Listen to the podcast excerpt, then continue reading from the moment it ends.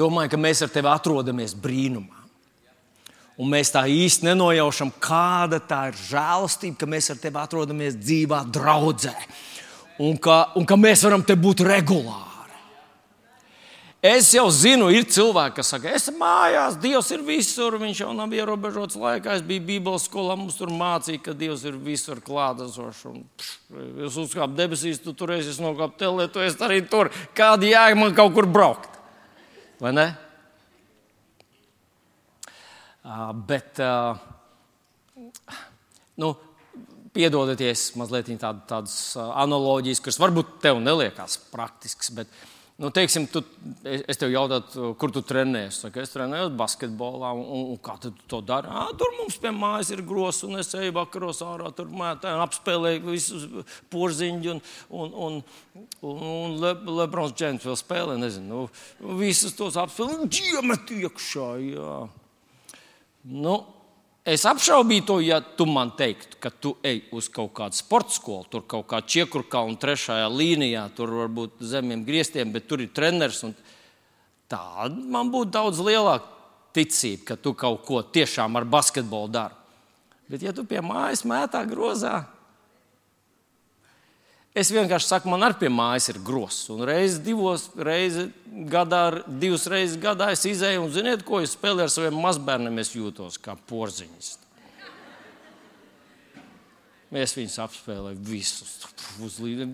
Dažreiz viņi visi ir pret mani. Visi trīs, trīs, četri, pieci gadīgie. Visi grib man ķerās kājās un visu es kā porziņš. Tur. Un līdzīgi ir ar ticības lietām. Zini, ja tu tur mājās kaut ko, kaut ko tur pats, jā, kā tu jūti, kā gribi, cik. Eh, bet, ja tu esi draudzē regulāri, tad gan kaut kas tavā dzīvē notiek. Un tāpēc es, es priecājos tevi redzēt šajā rītā. Šajā rītā mums būs mazliet tāds neparasts dievkalpojums ar to, ka mums ir saņemtas vairākas telegrammas. Jūs atceraties vēl, kas bija telegramma? Un tie, kas nezina, pajautā tiem, kas uh, tur ir jau nu, tādi, tādi rūtīti, uh, prieka vēstneši. Mēs zinām, kas ir telegramma. Un, un mēs saprotam, ka tas ir kaut kas aktuāls, kaut kas, kas ir jāzina, kaut kas, kas ir jāsaņem, jāsaprot un jārīkojas. Un, ja, ja uzkāpja Dāvids un, un uh, man pārtrauc, tad jūs zināt, ka tas nav tāpēc, ka es kaut ko nepareizi pateicu, bet, bet uh, viņš nodos pēc tam tālāk. Tā kā mums ir vairākas telegrammas šodien, lūdzu, pieslēdzieties uzreiz no sākuma, lai jūs nepalaižat garām, tad jūs beigās domāsiet, ko Vilnis tur teica. Man ir tas gods iesākt. Šodien virsrakstīns tai savai mazajai daļiņai es uzliku no Jāņa Evanģelī 13. nodaļas 17. pāntu. Jāņa Evanģelīs 13. nodaļas 17. pāns. Šeit ir uzrakstīti Jēzus vārdi, un, un tā rakstvietiņa, kur man tā telegramma ir no šīs 13. nodaļas. Un, un mēs šeit lasīsim, bet 17. pāns ir tā tāds virsrakstīns, es, kas, manuprāt, nu, ļauj mums saprast, cik būtiskas ir tās lietas, par kurām Jēzus šeit runā. Nu, kas tad rakstīts 17. pantā? Revidētajā tekstā ir tā, un es pamatā, kā jūs zināt, lietoju latviešu valodā revidēto tekstu, esmu sācis arī gliku lietot, un arī jauno tulkojumu šeit paskatos, jā, ko kurš kā saka. Bet tad revidētais teksts saka tā, ja jūs to zināt, svētīgi jūs esat, ja jūs tā darāt. Ja jūs to zināt, svētīgi jūs esat. Punkts. Mēs gribētu gan, lai tā ir.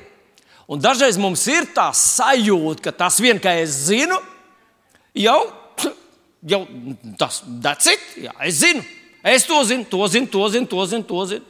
Jūs atceraties, kā bija balodas arī. Viņš mācījās vīt līgstu, un tad viņam nāca viens putns, otrs, trešais. Visi rādīja, kā viņš tikai no paša sākuma kā, zina, zina, zina. Zin. Bet izdarīt nemāku. Nu, tā tad Jēzus mums saka, ja tu to zini, svētīgs uz to esi, ja vien tu to arī saki, dari. Bieži vien ir milzīga starpība starp to, ko cilvēks zina, ir izlasījis, noklausījies. Daži to vien dara, kā klausās. Visu laiku klausos, klausos, klausos, klausos. kas tad ir tas, ko tu dari? Bet paskaties citus tulkojumus, skatījos angļu bībeli, King James, skatījos jauno tulkojumu.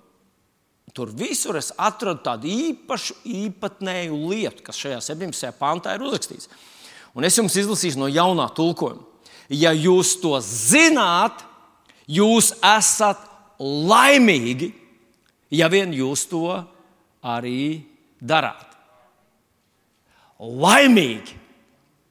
Jā, tu teiksi, jā, es zinu, tur jau Jēzum ir tas kalns predikts, un tur viņš vienā gabalā saka, svētīgi, svētīgi, svētīgi, garā nabaga, svētīgi, nabaga, svētīgi tie, kam neko nesaprot, svētīgi tie, kas neko nevar, un, un, un tā, tā, svētīgi nelaimīgie, svētīgi bēdīgie, un tu domā, ak, Dievs, es negribu piederēt tam sarakstam. Bet tur tiešām ir lietots vārdiņš svētīgi. Cik man zināms, šī ir vienīgais, vienīgais pants, kurā Jēzus burtiski saka, ka laimīgi ir tie, kas šo te lieto. Un tāpēc, mīļais draugs, es nosaucu šo savu nelielo uzrunu, šo savu telegrammu. Viņas virsrakstīns ir laimes ar, uh, formula. Jēzus laimes formula. Tātad, ja jūs to zināt, jūs esat laimīgi, ja jūs to darāt. Es nezinu, cik ļoti liela autoritāte tavā dzīvē ir Jēzus. Ja normālam, manuprāt, tādam īstam bibliskiem kristietim būtu jābūt tā. Ja visas tavas maņas saka pretējo, tu vienalga uzticies Jēzum. Ja visas tavas maņas un visi visādi eksperti saka pretējo, tu vienalga tici Jēzum. Ja visa pasaule, visas pasaules eksperti, visas pasaules gaišie uh, gaismas eņģeļi, tie pēdiņās liekot, saka pretējo. Bet Jēzus, Dieva vārds, saka kaut ko citu. Tu uzticies kam? Kam tu uzticies? Kam ir taisnība? Dieva vārdam vai Jēzum mēs varētu teikt. Un ja Jēzus saka, cilvēks, kurš šo te savā dzīvē nedara, nepraktizē, nav laimīgs, nevar būt laimīgs. Viņam kaut kas ļoti būtisks, kaut kas ļoti dziļš, kaut kas ļoti, ļoti svarīgs viņa dzīvē pietrūkst. Es uzticos Jēzum, un es ieteiktu tev arī darīt tāpat. Redz, tu vari būt paēdis, tu vari būt apģērbies. Vai mēs taču ar tevi zinām, kā tādi jau Bībeles studētāji, ka lielākā pē, daļa pēdušās pasaules, turīgas pasaules, pasaules, kas varbūt pat brauc ar labām mašīnām, kas ir varbūt izglītotāki par tevi, varbūt ekonomiski veiksmīgāki, izglītotāki un pasauli apskatījuši. Lielākā daļa no viņiem aiz, dodas pilnīgi savas dzīves nu, bankrota virzienā. Un vienā dienā tas viss, kas viņiem ir bijis, izrādīsies nekā nevērts. Mēs ar tevi tā darīt negribam. Tā tad paskatīsimies, tad, kas tad ir tas, par ko Jēzus šeit runā 13. nodaļā. Un 13. nodaļā viņš runā par divām lietām. Par divām lietām viņš tajā vienā piemērā runā par divām svarīgām lietām. Tā otrā viņš runā par mīlestību uz savu tuvāko. Šajā rītā es tai nepieskaršos, bet es pieskaršos tai pirmai, kas, manuprāt, kas, manuprāt, ir tā tāds nu, pamats. Pamats tam, lai visas citas lietas tavā dzīvē vispār darbotos. Mēs tātad runāsim par to pirmo un svarīgāko lietu, ko Jēzus šeit saka. Ja mēs to praktizējam, mēs esam laimīgi.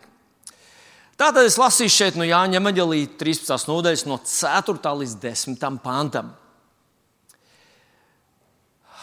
Ceturtais pants sākās ar to, ka viņš, tātad Jēzus, ceļās no vakariņām, noliek drēbes, ņem priekšaut un apsien to. Pēc tam ielēja ūdeni traukā un sāka mācekļiem kājas mazgāt un tās žāvēt ar priekšautu, ko viņš bija apsējis. Kad viņš nāk pie sīmeņa Pētera, tas viņam saka, Kungs, vai tu man mazgāsi kājas?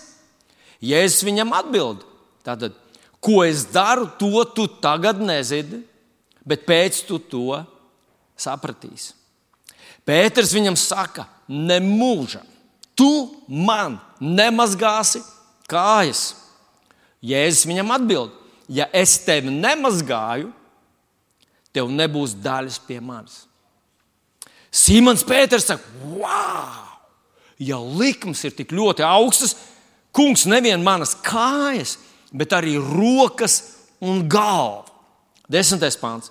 Jēzus saka viņam, kas ir mazgājies, tam nevajag vairāk kā vien kājas mazgāt. Jo viņš viscaurēm ir tīrs. Arī jūs esat tīri, bet ne visi. Viņš tur tālāk ir atsaucis, ka viņš runāja par, jū, par to, kas viņu nodeva, jūdas. Jūdas bija viņu starpā, un jūdas izgāja visai šai procedūrai. Bet sāksim mazliet no, no, no sākuma, no tā 4. panta. Tātad te ir teikts, ka Jēzus ceļas no vakariņām. Šīs ir pēdējās vakariņas. Tās ir tās vakariņas, kurās tiek iedibināts svētais vakarēdiens, kur mēs uzskatām par tādu svarīgu uh, kristīgās ticības tādu apliecināšanas un pasludināšanas reizi, ka Jēzus to iedibināja, mēs pie tā turamies, mēs to turam dārgu un svētu, un tas ir pareizi. Bet šajā reizē, šajā pašā reizē arī Jēzus dara šo lietu. Viņš mazgā mācekļiem kājas. Un es domāju, ka visi no mums ir dzirdējuši kādreiz kādu sprediķu, kur saka, nu, tajos laikos, tu jūs zinat, tur bija tā, cilvēks staigāja zandalēs un pa ielu staigāja, tas kājas noputēja, nebija asfalta, nebija brūņa un tā tālāk. Viņas kājas, kājas patiešām bija netīras tiem cilvēkiem. Un tad pirms viņi gāja iekšā, tad bija vergs, tur attiecīgās iestādes vergs, kurš tās kājas visiem apmeklētājiem noma, nomazgāja, un cilvēki varēja ienākt iekšā telpā ēšana, uz ēšanu ar tīrām kājām.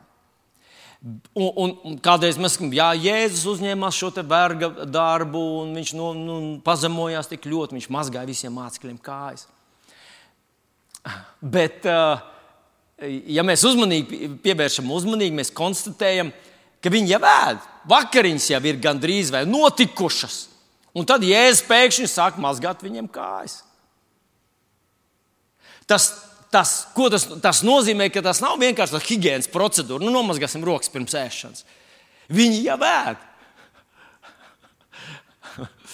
nu, man pavisam, pavisam nesen tāda ļoti, ļoti tāda zīmīga uh, situācija, kas man liekas, liekas, ka varbūt kādam rezonē ar šo te. Nu, mēs ar Līgu bijām iegājuši vienā iestādē, un es tā pieliecies kaut ko viņai saku, ko mums vajadzētu tur nopirkt. Un pēkšņi Līga pagriežās pret mani un saka, kas tā smird? Kā tu domā, kā es jūtos?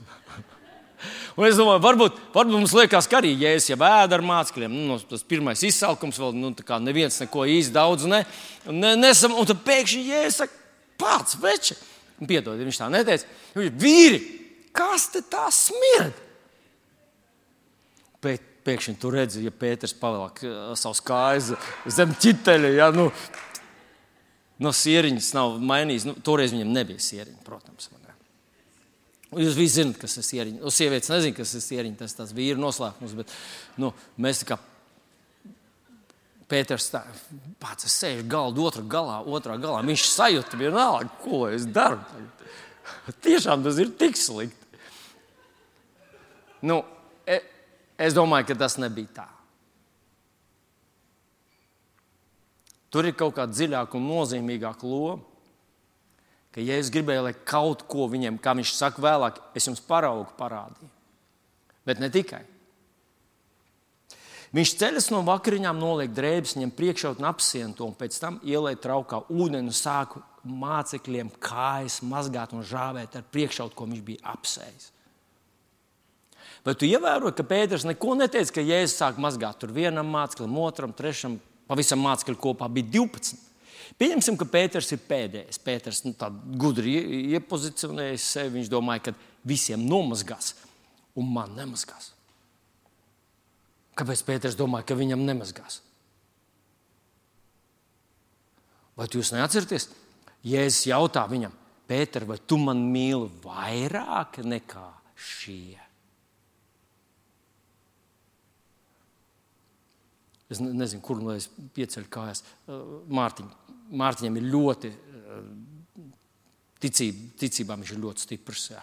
Tāpēc viņš neapvainos. Un Jēzus jautā, paskaties Mārtiņa apkārt. Un es būtu kā Jēzus un teikt, Mārtiņa, vai tu man mīli vairāk nekā šie? Un ar, tu, tu ar tādu ekspertu viedokli, tu zini, kungs, kā es tevi mīlu. Es staigāju tev blakus ar zobenu. Es esmu tavs miesas sargs. Atcerieties, viņš saka, ja visi tevi nodotu. Ja viss tā pirmā rinda tevi nodot, normāli ieskaitot, un Olitu ieskaitot, un Andriju ieskaitot, ja visi tevi nodot, es tevi nenodošu. Viņam bija šis te, nu, kā Elīja kādā vietiņā saka, kungs, es neesmu labāks kā man tēvi. Bija laiks, kad viņš domāja, ka ir labāks. Un Pēterim nebija nekas pretī, ka viņš nomazgā to mācekļu netīrās kājas. Kā ir ar tevi, mīļais mans? Paldies, Mārtiņ. Paldies. Aizlūdziet par Mārtiņu, lai, lai, lai nu, jā, lai viņš tajā nolaižās. Kungs, es arī tevi mīlu, kā, pat kā visi. Mīļais draugs, es šajā rītā ticu, ka svētais gars grib, lai mēs ieraugam katrs pats sevi tur. Vai šis stāsts par to, ka tu redzi visu cilvēku nepilnības, kļūdas, un viņi ir trīs ar pus gadus kopā, iet visur, nāk un tā tālāk.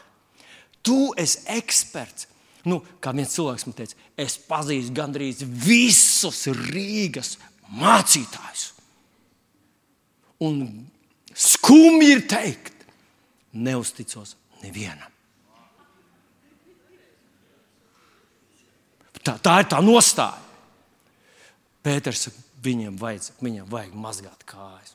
Pats es, ne, es nevaru te nosēdēt pie galda, ja kaut kas smird. Vai tu saki, es pazīstu visus kalpotājus, to savu dzīvi, to savu problēmu es nevaru uzticēt nevienam. Ja domājat, kāds garīgs cilvēks es esmu pareizs?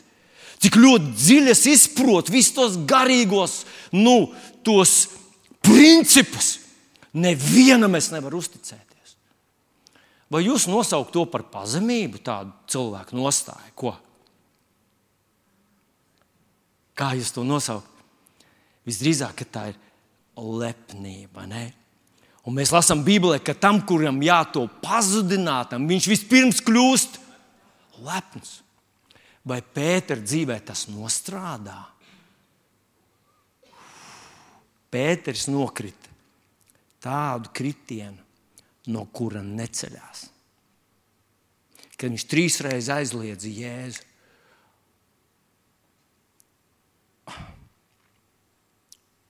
Tas, tas, tas bija krusts pāri. Un tāpēc šajā rītā mums vajadzētu paskatīties pašiem uz sevi. Vai mēs esam tādi eksperti, kas tā raugās no augšas uz citiem un saka, nu, nu, jā, viņiem vajadzētu gan. Viņiem vajadzētu. Ja teici, kad ir paskaties pa labi, pa kreisi, paskaties lūdzu pa labi, pa kreisi un saka, tas priekš jums vārds. Pēter, Pēter, tas, svaidījums. Bet lasam tālāk. Jēzus viņam atbild. Tad viņš nāk pie Pētera, un Pēters viņam saka, Kungs, vai tu man mazgāsi kājas, vai tu man mazgāsi? Vai, kā, kāpēc viņš uzdeva tādu jautājumu? Tas, ka visiem citiem mazgāt kājas, tas bija nu, normāli, bet tu man mazgāsi? Vai tev tiešām liekas, ka es esmu nu, nepietiekami nepietiekami esmu nodevies, ka es nepietiekami mīlu, ka mans rezultāts nav gana labi, ka es neesmu gana nu, adekvāts tai tavai komandai. Vai tu neredzi, cik es upurējos, cik es ziedojos, cik es esmu nu, pazemojies? Dievs, vai tu man mazgās kājas? Jēzus, tu man mazgās kājas. Un Jēzus viņam saka vārdus, kurus es lasu šeit, 7. pantā. Ko es daru, to tu tagad nezini, bet pēc tam to sapratīsi.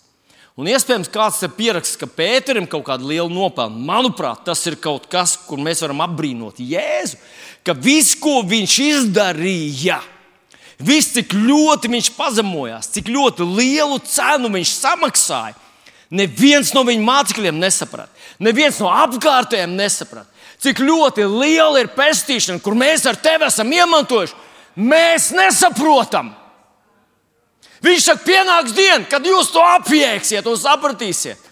Bet šodien mēs ar tevi, mēs domājam, tas ir daļa no labas audzināšanas. Tā ir daļa no tādas, no tādas atturībnieku dzīvesveida. Tas ir daļa no tādas, no, no, no, no, no, no, no vienkārši inteliģents cilvēks, iet uz baznīcu, jo viņš skatās, ka ne jau viss tas varēja radīties pats no sevis. Un mēs nesaprotam visu to būtību, visu glābšanas, pestīšanas, dziļumu, smagumu, mērogus, cenas, unikalitāti, mīlestības mērogs. Viņš vienalga to izdarīja. Mēs ar tevi dažreiz to negribam darīt. Ja cilvēki mūs nenovērtē, mēs to nedarīsim. Mācīsimies no Jēzus, viņš to dara. Un tad astotais pāns - nemūžam tu man nemazgāsi kājas. Nemūžam, tu man nemazgāsi kājas. Ah. Ziniet, šo mēnesi iesāka. Es ticu, ka tas bija svētais gars, kas ar līgu uzrunāja mūs. Tas dievkalpojums saucās paštaisnības mazās roķeles. Šeit ir uzskatām, saka, paštaisnības mazās roķeles. Nemūžam, tu man nemazgās kājas. Nu, kāpēc? Tās paštaisnības mazās roķeles vienīgais, viņas neko nevar atnest, viņas neko nevar iedot. Vai jūs kādreiz esat spēlējuši to spēli, ka kāds nostājas tev aiz muguras un izbāž savus rokas nu, caur, eh, tev caur, caur padusēm, un tas rokas ir daudz īsākas? Ja? Un viņas dažreiz dara vienmēr kaut ko neadekvātu un nepareizu. Un, un kādreiz rausta te un te izbauda tas, kurš aiz muguras stāv. Tev izbauda to spēli, ka viņš var tevi nesodīt, nodarīt visas pāri lietas. Un tas ir tas, ko paštaisnības mazās roķeles ar mums dara. Viņas neko mums nevar atņemt, viņas neko nevar salabot, viņas neko nevar mums piedot klāt. Viņas vienīgi var atgrūst un at atteikties. Un te ir tas, nemūžam, tu man nemazgāsi. Kāpēc? Jo paštaisnība baidās, kad, ka es esmu noniecināts. Ka tas, ko es esmu devis, nu, nu, zin, tu jau tik daudz esi upurējis, tu tik daudz esi ziedojies, tu tik daudz esi ticējis, tu ilgi, tik ilgi jau esi to darījis. Un tas nav gana. Un tad tu saki, nē, nē, nē, nē, nē viss, viss, viss.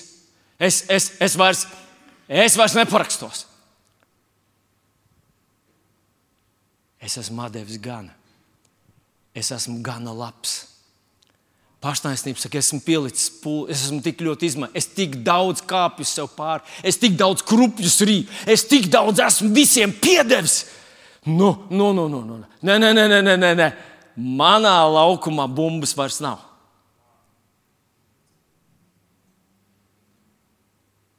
Es esmu visu izdarījis. Neprasiet vairs no manis neko. Manā virzienā ar pirkstiem nerādiet manas kājas ir tīras. Tu tā esi teicis. Varbūt tu tā neesi tu tā esi sajūties. Kad tu atnāc uz dievkalpojumu, kāds saka, ka tu nu, ka vajag vēl ticēt, ka vajag vēl nodoties, ka vajag vēl degt. Un tad tu domā, paga, paga, paga, paga. kas nav gana? Nav gana. Es nezinu, vai jūs esat piefiksējuši tādu paradoksu. Es šodien braucu uz, uz dievkalpojumu, un skanēja viens kristīgs masu mēdījis. Tajā, un, un, un tad tur tad viens mācītājs saka, Nāc pie Jēzus, kāds es. Tas ir tik vienkārši. Viņš ir tik pieejams, viņš ir tik draudzīgs, viņš tev mīl bez nosacījumiem. Un tad tu ienāc iekšā, un tad tev visu laiku par maz, par maz. Tu esi pārāk.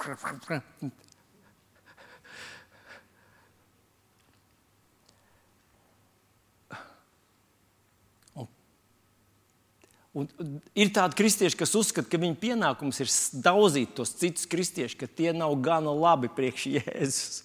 Un tad mēs aizējām pie neticīgiem, sakām, ja viss, ko jēdzam, vajag tikai atnākt šurp, tikai nododies, un viss, un tu būsi laimīgs, viss tev glābts, un viss, un miers, un žēlastība, un, un eņģelis tev sargās, un tā tālāk. Un tā ir patiesība. Es nezinu par tiem, kas ir aicināti daudzīt citus kristiešus. Bet šajā gadījumā Jēzus nedaudz, neapvaino, nepazemo. Ko tad viņš grib? Viņš grib, lai tu nododies viņam. Un tie jēzus vārdi, ja es tevi nemazgāju, tev nav daļas ar manis. Redz, kad mūsu paštaisnība mūs pasargā no tā, ka kāds ielien dziļi mūsu, ka Jēzus ielien dziļi mūsu mazajās niansēs, mūsu domu pasaulē, mūsu slepenajā, apslēptajā dzīvē, kas mums ir ļoti privāti, ļoti mana.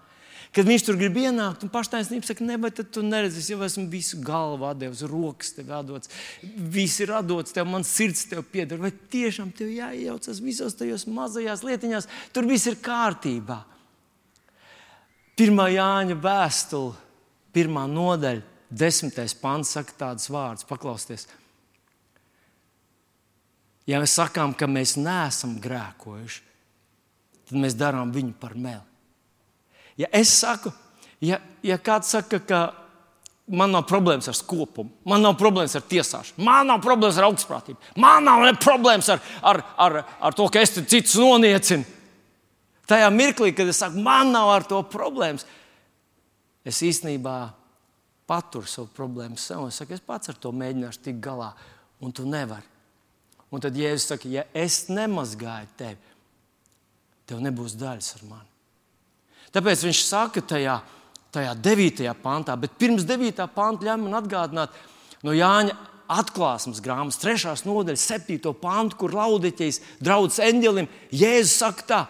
Tu saki, tu esi bagāts, tu saki, tevi, tu, tu, tu esi vesels, tu saki, es precīzi ne, neatceros vairs tos vārdus, kā tur bija. Tu saki, esmu bagāts, man ir pārpilnība, man nevajag neniek. Tajā mirklī, kad tu saki, man ir viss labi, es esmu gana uh, svēts, viss ar maniem ir kā Jēzus man ir šķīstījis, es esmu taisnīgs, es visu daru pareizi, es visu daru labi, es nu, visu esmu izdarījis. Tajā mirklī tu esi lielāks melis par vēlnu, jo vēlns cenšas piemānīt citus, bet tu piemāni pats sevi. Vislielākais mēlis pasaulē ir tas, kurš apmāna pats sevi un saka, man, ne, man, man viss ir labi, viss ir labi, viss ir labi, man neko nevajag mainīt, man nekur nevajag atzīties. Un tad ir tas pāns Jāņa 1,9. 1. Jāņa 1,9. Ja mēs atzīstamies savos grēkos, tad viņš ir uzticīgs un taisnīgs, ka viņš piedod grēkus un šķīst mūs no visas netaisnības. Citiem vārdiem, vai tu, tas, kurš sēž ar jēzu pie vakariņu galda, Tas, kurš es viņu māceklis un trīs ar pus gadus staigā ar viņu jau, tu lūdz mēlēs, tev ir svētais gars, vai tev ir jāatzīstās savos grēkos? Vai ir? Vai tev jāatzīstās, ka tu neatbilst viņa standartiem? Vai tu atbilst viņa standartiem?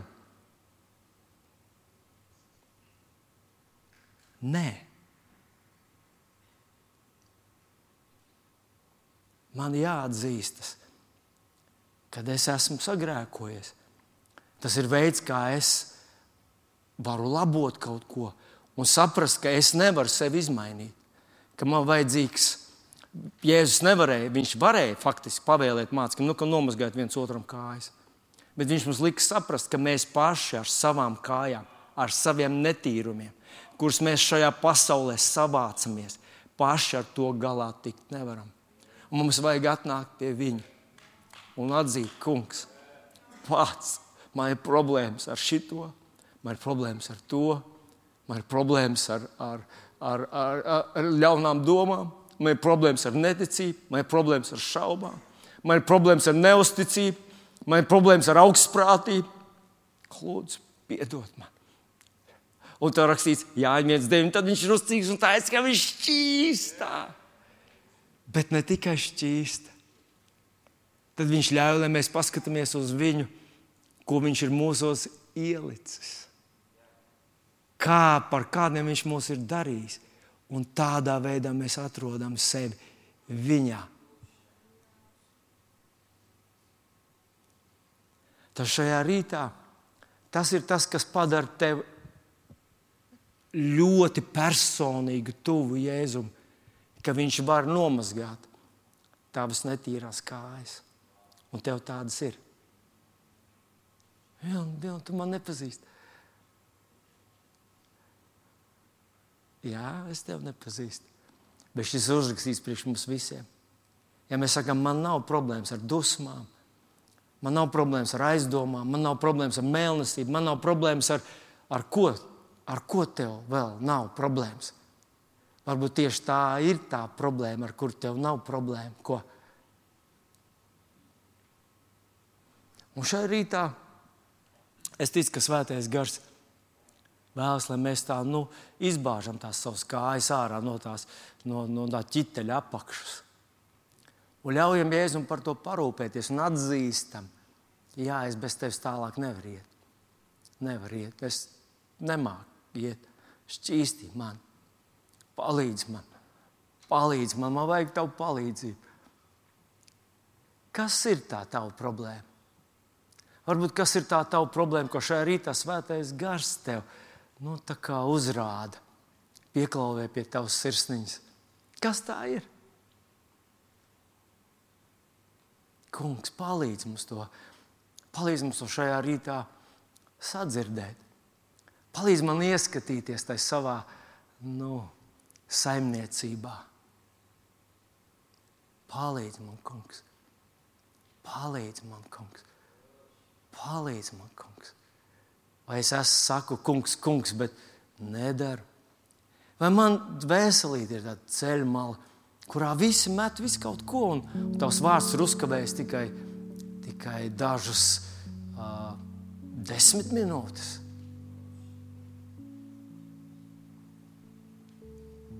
Vai Jēzus priekš tevis ir svētdienas jēzus? Kas ir tā tava lietiņa, kur tev vajadzētu šodien ļaut, lai Jēzus nomazgā? Un kad tu paskatītos uz viņu un teiktu, Jēzu, es ticu, ka tu esi ienācis manā dzīvē, lai mani šķīstītu, lai palīdzētu man atbrīvoties no tā, ar ko es pats galā netieku. Jēzus vārdā. Kungs šķīsti mūsu kājas, mazgā mūsu kājas, mazgā mūsu sirdi, kungs, tos slepenos kambarus, tur tos tas fails, kurus mēs esam atstājuši tikai sev un domājam, ka mēs esam absolūti perfektā kārtībā. Halleluja, Jēzu, Jēzu, Jēzu, Jēzu. Halleluja, Jesus, Jesus, Hila brugge til achande kilamburge degi.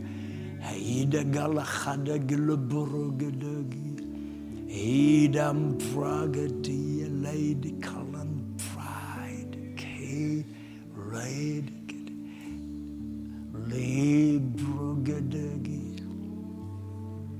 Uzliec savu rociņu savus sirds. Un pasaka, svētais gars. Palīdz man saprast, kas ir tās lietas, kas man jāatzīst un jāizmaina. Redz, tu nevari izmainīt, ja tu to neatzīsti. Ja tu to noliedz, tu vari uzvarēt tikai tās lietas, ar kurām tu cīnies, no kurām kuras tu noslēpi, pabāz zem tepiķīša, tās tur paliks. Halleluja! Halleluja! Halleluja! Ida brugadila hande kilam brugadaki. Eda šķīstīmu ar svētā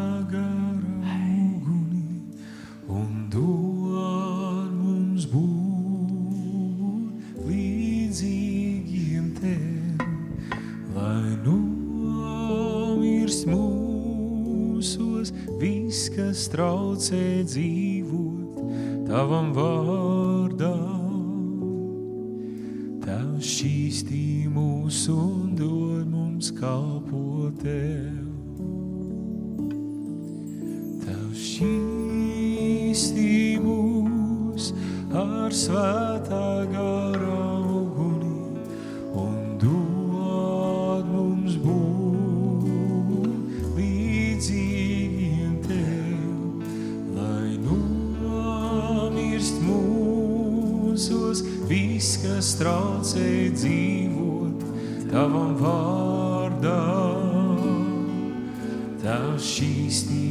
mūsu dod mums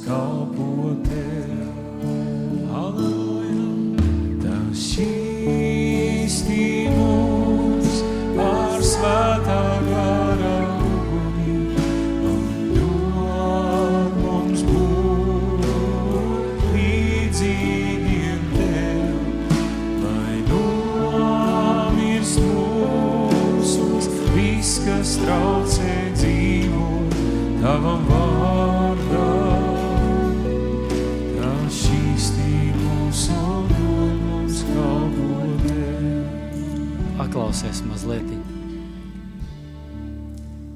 Es jūtu, ka svētais gars man uzrāda dažas lietas, kuras uh, ir mūsu problēmas, mūsu netīrās kājas. Un es viņas uh, nesteigšu tāpēc, lai, lai mēs tagad domātu, kurš tas ir. Bet vienkārši lai tu saprastu, ka tā ir problēma, ka Dievs to zina. Un ka tas, ka tu esi pieredzējis pie tās, nenozīmē, ka Dievs ir ar to samierinājies.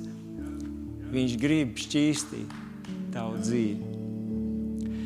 Šeit ir cilvēks, kas zog savam darba devējam. Ne jau neko lielu, tur šeit bišķiņ, tur bišķiņ, tur, tur, tur, tur. Jā, tas darba devējs nepamana neko. Bet vienkārši tu esi tā pieredzējis, ka tev tā liekas kā dzīves gudrība. Tas ir ļoti praktisks cilvēks. Tu jau gadiem to dari tas atver vārtus vēlnam tavā dzīvē. Viņš var nozagt tev to, ko tu jūtīsi uzreiz. Tev ar to jātiek galā. Ir cilvēks, kas ir neusticīgs savā laulībā. Un ir cilvēki, kas nav laulībā, bet ir, ne, ir, ir dzīvo tādā netiklībā. Nē, ne, tas nav nekas ļoti regulārs. Tas ir ik pa laikam.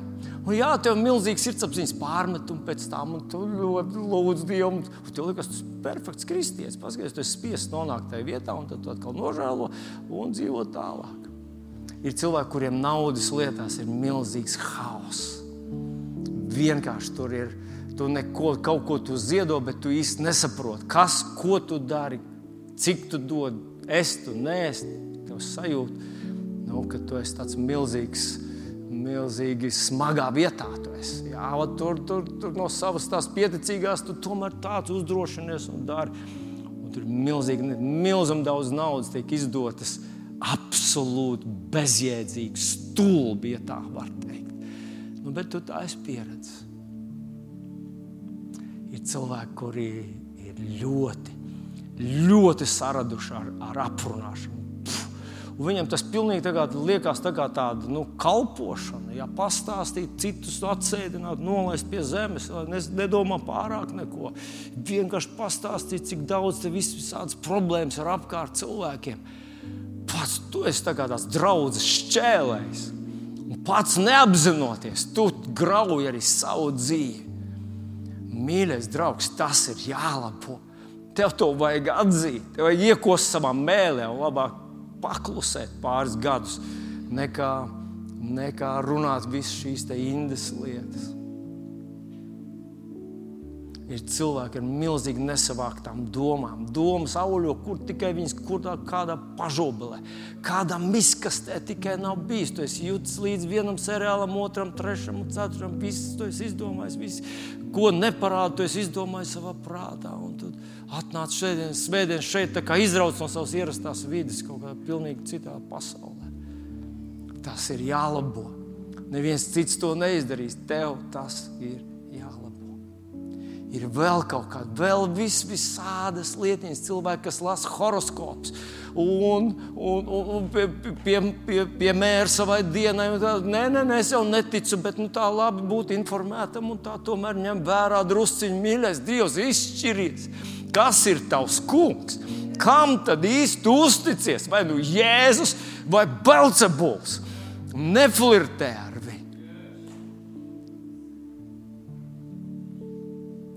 ir cilvēki, kuriem Jēzus ir tā tāds mazs mājas dzīvnieciņš, kur izved divreiz dienā ārā. Un, bet, nu, tad ātri izdara savas lietas, un tad fiksi, fiksi atkal atpakaļ, jo man ir dzīve jādzīvo. Un tu brīnies, ka, ka tev nav spēka. Kungs, kungs, es nezinu. Droši vien, ka, droši vien, kad iespējams, ka visas kādas vien Latvijā ir problēmas, ka kaut ko no tā mēs visi ar to saskaramies. Bet mēs varētu apņemties, mēs varētu apņemties, ļaut Jēzum iesaistīties mūsu šajā slepenajā mazajā pasaulītē un nomazgāt tās mūsu kājas, lai mums nav jāsēž pie Dieva galda ar smirdīgām un netīrām. Uzliec savu rociņu savas sirds un pasaka, kungs, mans kājas ir netīras. Lūdzu, šķīsti. Es atzīstos tev. Paldies, ka tu šķīsti mani. Paldies, ka es redzu savu identitāti. Kungā, Jēzu Kristu. Paldies, es to pieņemu. Es pateicos par tavu palīdzību manā situācijā. Jēzus vārdā.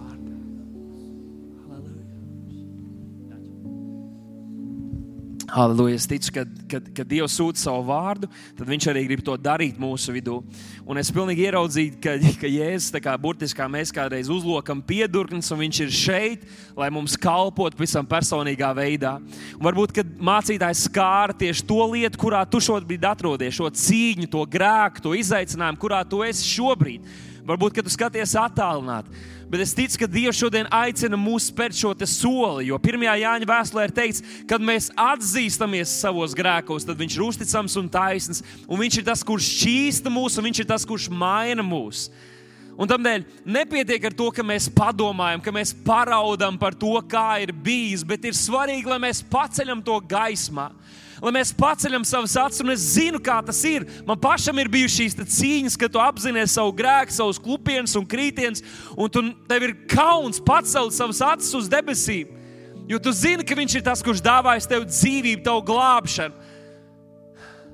Bet, kad tu apzinājies savu grēku, varbūt tur tajos dubļos, tajā peļķē esot, tu pacel savas acis un saki, Tēvs, piedod. Piedod šo, piedod to un sauc, liet, sauc šīs lietas vārdos. Tad Bībele saka, ka Dievs ir uzticams. Tad, kad mēs esam gatavi atzīt, ne tikai raudāt un iekšēji pārdzīvot, bet atzīt viņa priekšā, teikt, Tēvs, piedod, ka es esmu skatījies pornogrāfiju, Tēvs, piedod, ka es esmu atkal palaidies pasaulīgā dzīvē, Tēvs, piedod, ka es esmu atkal esmu sapinies ar pasaulīgiem draugiem un ļāvis viņiem ietekmēt mani, ka mēs paceļam to gaismā, mēs to izsakam, ka mēs lūdzam atdošanu, lūdzam viņa žēlastību, lai viņš šķīsta mūsu Bībelē, saka, ka viņš ir uzticams.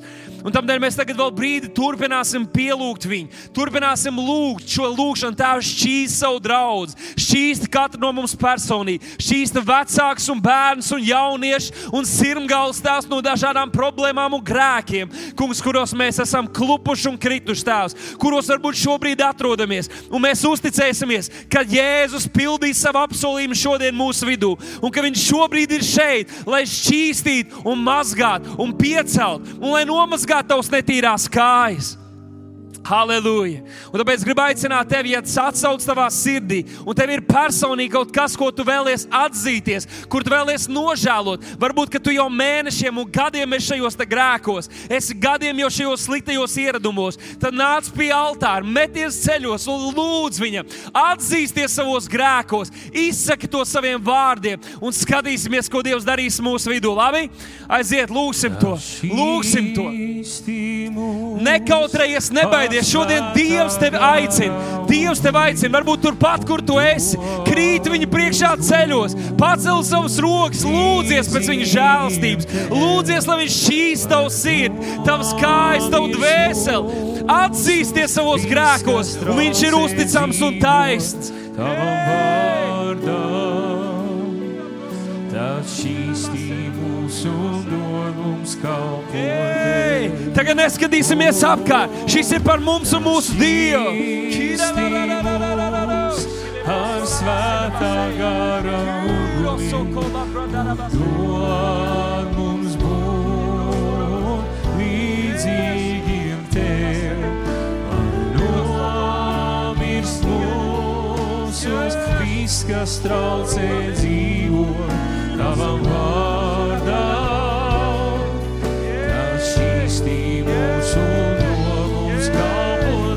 negaidi, kad mēs nosauksim tavu grēku, tavas cīņas. Svētais gars ir tas, kurš atklāja un parāda un aicina tevi uz atgriešanos, aicina tevi uz svētu dzīvi. Tagad nožēlosim savus grēkus, draugs, atzīsimies savās kļūdās.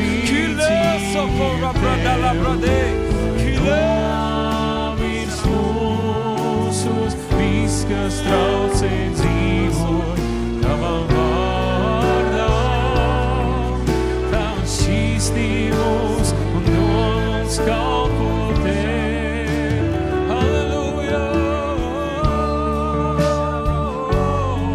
Un es pateicos, ka caur svēto gāru tu šodien uzrunā mūs, ka tu parādi šīs īstās lietas, ka tu parādi šos grēkus, ka tu parādi šos, šīs, šos kompromisus, Tēvs, uz kuriem esam izgājuši, Tēvs, ka šī ir atgriešanās diena, ka šis ir atgriešanās laiks. Tēvs, mēs pateicamies par svētā gara darbību šajā zālē un visiem, kas skatās attālināt. Tēvs, paldies, svētais gars, ka tu dod drosmi atzīties, ka tu dod drosmi piecelties, ka tu dod spēku Tēvs spērt šos soļus pretīm Tēvam, kurš gaida ar atplastām rokām. Un mēs pateicamies, Kungs, ka tu šķīsti, ka tu mazgā, kā tu mazgāji savu māsakļu kājas. Tāpat tu mazgā arī šodien mūsu kājas, mūsu dvēseles, mūsu sirds tēvs. O, Kungs, mēs padodamies tavam darbam. Kilo sokora bradala brashe. Kiliro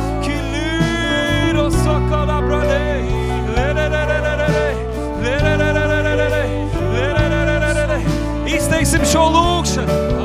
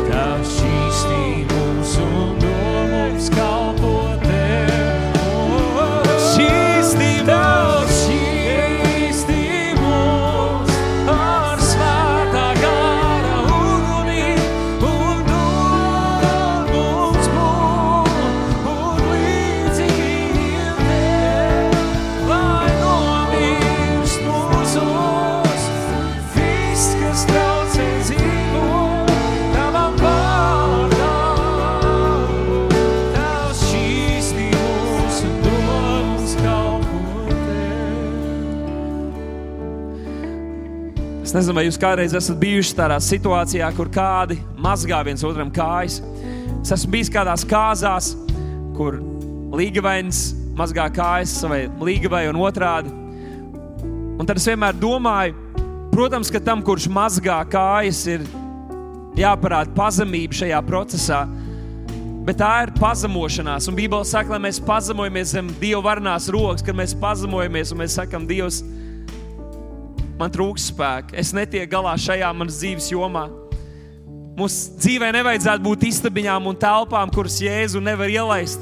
Kuras paliek tikai mums pašiem, kur mēs slēpjam savas neizdošanās, mazajā grupā, draudzē, citiem brāļiem, māsām. Neviens to nezina. Mums šķiet, ka arī Dievs to nezina. Un ka Viņš mūs nosodīs. Bet tad mēs varam atcerēties to stāstu evanģēlijos, kur tiek atnest pie Jēzus, atvest kādu sievieti, kur pieķert laulības pārkāpšanā, un visi viņu pazudina. Visi uz viņu rāda ar pirkstiem un saka, hei, kas būtu jādara mums ar viņu? Mūzis teica, ir jānomēta akmeņi, viņi gribēja turēties pie vecās derības paražām. Un viņi domāja, ka arī Jēzus teiks, jā, viņi ir briesmīgi grēkojusi. Bet Jēzus pateica kādu interesantu frāzi, un paklausieties, tā var šodien jūs atbrīvot. Jēzus pateica uz viņas apsūdzētājiem tādu frāzi. Viņš teica, lai tas, kas no jums ir bez grēka, lai pirmais met akmeni. Ja kāds no jums ir bez grēka, lai tas pirmais met akmeni. Un mēs jau dzirdējām, ka Jāņa vēstulē rakstīts, ir, ka tas, kurš saka, ka viņam nav grēka, sauc Dievu par meli. Un tādēļ šī draudzene, šī vieta un šis laiks nav, lai mēs rādītu viens otru uz pirkstiem. Mēs šodien rādām kopā, viens, viens otram mēs rādām, paskaties uz Jēzu. Paskaties uz Jēzu, tavu ticības iesācēju un piepildītāju. Paskaties uz svēto, pilnīgo Dieva jēru, kurš nomira par pasaules un arī par taviem grēkiem, ko tu esi darījis agrāk, kad tu dzīvoji pasaulē, ko tu esi darījis šodien un ko tu darīsi rīt. Viņš ir nomiris, viņš ir augšām cēlies, viņš ir uzvarējis grēku, viņš ir uzvarējis nāvi, viņš ir dāvājis tev mūžīgo dzīvību. Bet viņš arī dāvā mums šo brīnišķīgo kalpošanu, kas saucās svētāpšana. Jo Bībelē ir teikts, topiet svēti, esiet pilnīgi, kāds viņš ir svēts, un viņš ir pilnīgs, un to mēs nevaram saviem spēkiem. Tas mums nav iespējams. Mums ir vajadzīgs, lai svētais Dieva dēls, lai svētais kungs, pazemīgais ķēniņš, lai viņš nāk un kalpo mums, un lai mēs to piedzīvotu. Mums ir jānoliek malā savas mazās pašnaistības rociņas un jāsaka, kungs, es netieku galā. Es gribētu, es gribētu mīlēt, es gribētu kalpot, es gribētu saprast, es gribētu dzīvot pēc tavu vārdu, bet es netieku galā, kungs. Man ir vajadzīga tava kalpošana. Man ir vajadzīgs tavs darbs, jo mēs esam viņa darbs. Kristu Jēzu sagatavot labiem darbiem, un tu nevarēsi darīt labos darbus, kuriem tu esi sagatavots, ja tu neļausies būt par viņa darbu. Kristu Jēzu. Un tad pēc mirkļa, kad Jēzus zīmēja smiltīs, un ir kādi, kas min, ka viņš tur rakstīja kādus grēkus, ko bija darījuši tie citi cilvēki. Iespējams, ka daudzi no apsūdzētājiem paši bija gulējuši ar šo sievieti. Bet tas nav tik būtiski. Pēc mirkļa Jēzus paceļ acis uz šo sievieti, kuru visi viņu gribēja pazudināt. Viņš prasa, vai neviens tevi nav pazudinājis? Viņš neskatījās viņiem, un viņš zināja, ka visi ir grēkojuši un visiem trūks dievišķās godības. Viņa saka, neviens. Un tad Jēzus viņai pateica vārdus, par kuriem es esmu daudz un bieži domājis. Un šajā nedēļā Dievs man tos atkal atgādināja un teica, es jūtu, ka tas ir tas, ko man ir šodien jānodod kādiem no jums. Un Jēzus šai sievietei teica, arī es tevi nepazudinu. Ej un negrēko vairs. Halleluja. Pasakādam savu blakus, Dievs tevi nepazudina, un mēs tevi nepazudinām. Saka, es tevi nepazudinu. Esi tu šodien Kristus acis, Kristus rokas, Kristus mūtu un pasaki, ej un negrēko vairs. Ej un neatgriezies savā vecajā dzīvē. Ej un neatgriezies pie saviem grēkiem. Ej un neatgriezies pie savām kļūdām. Ej un dzīvo jauno dzīvi, ko Kristus tev ir dāvājis. Un kāds varētu domāt, kā tas ir iespējams, un jūs varbūt to nekad nebūsiet pamanījuši. Bet pēc šiem vārdiem, kur Jēzus saka, ej un negrēko vairs, 12. pantā paskatieties, ko Jēzus tālāk saka, parādiet 12. pantu. Un Jēzus tālāk šai sievietei saka, tad Jēzus atkal runāja uz viņiem, sacīdams, lasam kopā, es esmu pasaules gaisma, un kas seko man, tas patiesi nestaigās tumsībā, bet tam būs dzīvības gaisma. Šī sieviete, kuru visa tumšā pasaule gribēja pazudināt, viņas līdzcilvēki gribēja pazudināt, Jēzus viņu apžēloja, Jēzus viņu aicināja, Jēzus viņai deva spēku svētajā garā, un tad viņš saka, es esmu pasaules gaisma, un ja tu staigāsi man pakaļ, Halleluja!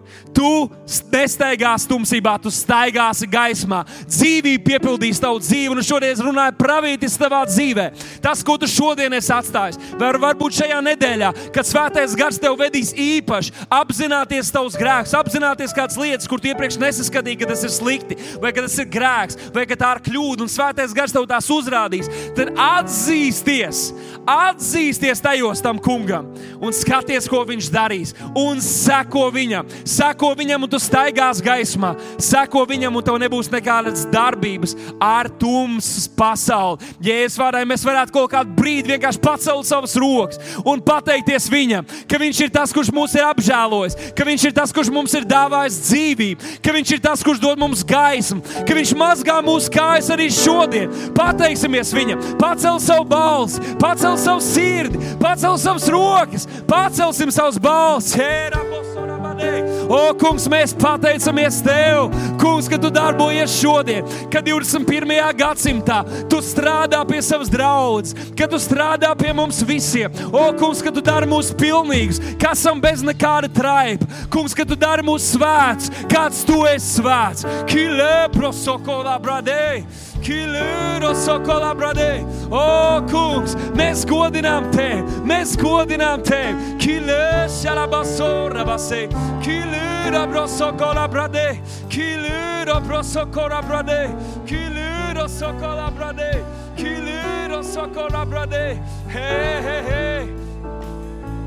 Halleluja, halleluja, halleluja. O, Tēvs, mēs pateicamies Tev, ka Tu esi uzticams un ka mēs vienmēr varam pienākt bez bailēm pie Tava žēlastības troņa, lai atrastu apžēlošanu un palīdzību īstajā laikā. Un šis ir īstais laiks. Šis ir laiks, Tēvs, kad Tu cel savu draugu un kad Tu cel arī mūs Jēzus Kristus vārdā. Halleluja! Halleluja, Tēvs, mēs pateicamies Tev.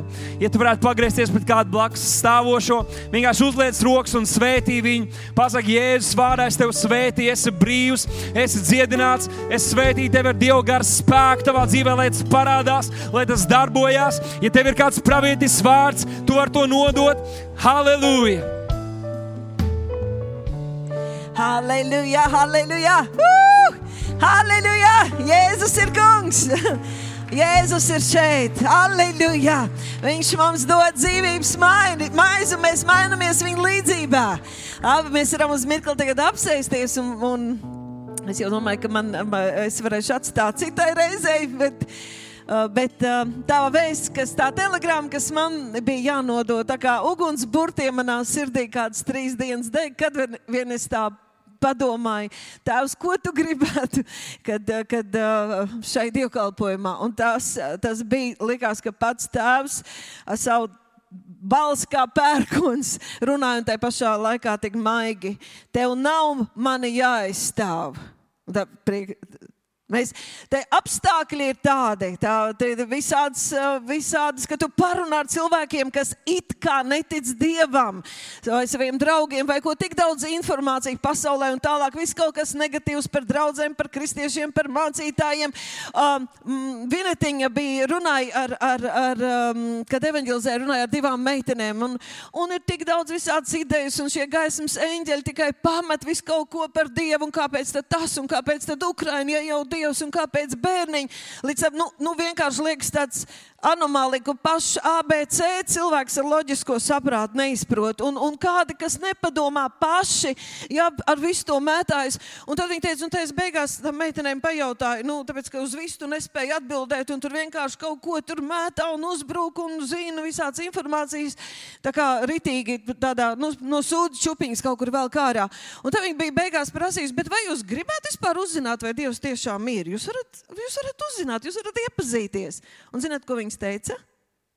Nē, mēs negribam uzzināt. Patiesībā mēs negribam uzzināt. Ja? Un tad mēs liekam lielu slodzi uz sevi, kādreiz mums liekas, ka mums ir jāizstāv Dievs, jāizstāv kristietība, jāizstāv evaņģēlijas, un, un tā tālāk. Mums ir ļoti nu, liela atbildība par to, ar ko mēs netiekam galā. Bet tas kungs saka, tev nav mani jāizstāv. Tev nav jāizstāv Dievs. Dievs smejas par ienaidniekiem. Viņš ir izdaudzījis vēlnam galvu, samins viņu, un viņš smejas un smiesies pēdējais. Un viņš ir ielicis katra cilvēka sirdī sirdsapziņu kas jau nu vien galīgi nav apklusināti. Cilvēks aiziet dabā, Dievs saka, daba runā par mani. Papēta kādu dzīvnieciņu, dzīvā daba runā par Dievu. Paskaties, pērko, negais, esi jūrā, pastaigā par mežu. Daba liecina par Dievu. Par to nav jāuztraucās. Par visām tām lietām. Bet Dievs saka, tev ir mani nevis jāizstāv, bet jāpārstāv. Un iesai 43.10. Jūs esat mani liecinieki, saka tas kungs. Tu esi mans liecinieks, tu esi mans liecinieks, un jūs esat mani kalpi, ko es esmu izredzējis, lai jūs to atzīstat un man ticat. Lūk, lai jūs man ticat, ka es tas esmu. Priekš manis neviena cita dieva nav bijis, un pēc manis neviena cita nebūs. Vienīgi es esmu tas kungs bez manis nav cita glābēja. Un, ja es eju 50. eh, psalms 50. tur jau saka, jo man pieder pasaule un viss tās pilnums, ko cilvēks tu man var iedot un ko tu man var atņemt, bet iepazīsti mani un uzticies man. Halleluja! Un turpat 50. psalms, tālāk 16. ko tas nozīmē pārstāvēt vai rīkoties gluži pretēji. Saka, pienes pateicību upurim, tur savus solījumus, un es tev celšu godā, es tev glābšu. Kāpēc tu daudzini mans likums un ņem man derību savā mutē, un tai pašā laikā tu ienīsti pamācību, esi vienaldzīgs, ienīstis tā kā vienaldzīgs pret pamācību, laid mans vārds par galvu, ka tu redz zāgli, tu viņam esi pa draugam, tu biedrojies ar laulības pārkāpējiem, savai mutē tu ļauj runāt vāļu, par ko jau te runāju, un tava pē, pa, mēle pauž melus. Tu sēdi un runā ļauni pret savu brāli, tu apmelo savas mātes dēlu, tā tu dari, un kad es ciešu klustu, domā, ka es esmu tāds pats kā tu. Tādēļ es tev pārmācīšu, tur ir tālāk teikts. Un, Un, un mums ir laiks atgriezties, un ir iespēja dzīvot patiesībā. Un, zini, un šis laiks ir tāds, uh, manā personīgā dzīvē, kad uh, šai ziemā, pavasarī, vasarā mēs kopā ar vīriem un daudziem palīgiem šeit, uh, arī uh, oficiālā, ļoti daudz ko esam izdarījuši praktiski par namu. Varbūt kādreiz mēs vācam fotogrāfijas, cik daudz praktisks, tehnisks lietas, redzēt, turpat labierīcības atjaunojam, krāsojam, nama fasādi, tur jau viss apļurba, mēs jau sakārtojam. Un tā sajūta ir tāda, ka sakārtot to ārējo, liekas, sakārtot telpas, lai nav vecais nams un jaunais nams, lai viss kaut cik kārtīgi, lai mēs varam darboties, lai, lai, lai mēs varam nodoties, lai Dieva prāts var notikt, lai mēs varam kalpot, lai, lai nams ir kārtībā, lai fiziskais ir kārtībā un lai garīgās lietas var notikt. Un tad paldies Dievam par šo doktoru, kurš atbrauc un pateica tieši burtiski to. Sakārtojiet altāru un noliekat upuri. Sakārto altāru un noliec sev par upuri. Un mēs tagad esam šai procesā. Un, un tad, kad mēs prasām, Dievs, es gribu tavus darbus, kādi ir tie lielie darbi, tad arī Jēzus laikā pie viņa nāca. Un kad Jēzus mācīja par tēvu, tad nāca farizēji un saduķēji un teica, Ko lai mēs darām? Mēs gribam, lai mums būtu daļa pie taviem lielajiem darbiem. Un tā mums kādreiz liekas, ka mums ir Dievs jāizstāv, mums viņš ir jāpierāda, mums ir jābūt milzīgi gudriem, vai, vai mums ir jābūt dziedinātiem, mums vajag te augšām celties no mirušajiem, un, un vai, nezinu, uzrakstīt kaut kādu tādu dziesmu, ka pusi pasaule atgriezīsies. Nu, ko lai mēs darām ar tiem taviem lielajiem darbiem? Un Jēzus Jāņa 6,28 saka, kas tad ir tas darbs? Tas lielais darbs. Tas ir Dieva darbs, ka jūs ticat tam, ko Viņš ir sūtījis. Un tad mēs varētu sākt no sākuma. Tas ir viss par Jēzu. Kas ir Jēzus? Kāds ir Jēzus? Ko viņš ir izdarījis? Un 2. korintiešiem 5.17 saka, ka tagad Jēzu, caur Jēzu, dēļ Jēzus, mēs esam jauni radījumi Jēzu Kristu. Halleluja! Pilnīgi jauni radījumi, piedzimuši no viņa. Bet mēs atrodamies uz šīs zemes. Un mācītājiem kādreiz bija svētruna par ērgli, kuru atnes mājās kā lielu olu saimnieks un domā, ka kāda vista vai, vai pīle vai zos ir, ir, ir nu, aizgājusi bojā un atstājusi neizperētu un atstāja perētāju vistai. Un nu tai kūtī izšķiļās ērglēns. Un man gribas teikt, tie esam mēs. Mēs dzīvojam šajā, šajos apstākļos. Mums lien virsū caur sociāliem tīkliem, visur vien tu iet, nešķīsta, netīra. Glā, pēc glābšanas, pēc dziedināšanas, pēc dieva mīlestības izsalkus pasauli. Halleluja! Un tās vistas kādu laiku knābi un izsmeja un necieš un ņirgājās par šo ērgli. Un ērglēns pēc tur par vidu tik ļoti cenšas izpatikt tām vistām. Cenšas tāpat kārpīties, tāpat knābā, tāpat tur tais, no tais mēslu čupā atrast kādu graudu, izskatīties kā visi, jo ir tik nepatīkam, ka tev nepieņem, ka tevi izsmeja bet viņš lēnām aug. viņš lēnām aug, attīstās. Mēs esam jauni radījumi. Jēzus ir mūsos. Halleluja! Un tad pienāk apstākļi, ka tur ir kāds uzbrukums, ka tur ir kāds problēmas tam vistiņām. Un pēkšņi ērglis pats nesaprot, kā viņa varenie spārni ir izplatušies, un varenās, varenie nagi, un viņš metās virsū ienaidniekiem, lai glābtu tās vistiņas. Halleluja! Skaists stāst par ērgļiem. Ērgļi ir augstumos, viņi bieži vien ir vieni, viņi iet pretvēju, viņi, viņi bauda pretvēju, jo tā viņi ceļas augstāk, augstāk, augstāk. Dievs vecā derībā sevi salīdzina ar ērgli. Viņš saka, es sargāju, es kopu, es vadīju. Halleluja! Un mēs tādi esam, un mums nav jākaunās būt ērgļiem. Tai vistu kūtī aizvien vairāk notiek cīņas. Es nevaru izvēlēties, vai es būšu gailīts vai vistiņa. Tas tagad ir modē. Tu vari izvēlēties, būt gailīts vai vistiņš. Es nezinu, kas es esmu. Man vecāki nezina, kas es esmu. Gailīts vai vistiņš. Es tev saku, priekvēs, tu esi ērglis. tu esi Dieva bērns. Halleluja! Un tas lielais darbs ir draudzēties, piederēt, pielūgt, sekot kungam Jēzum un būt tam jaunajam radījumam būt tam jaunajam radījumam, kādu viņš mums ir radījis. Tas ir nevis aizstāvēt, bet pārstāvēt, būt viņa lieciniekam šeit uz zemes, dzīvot patiesībā, dzīvot Jēzu Kristu.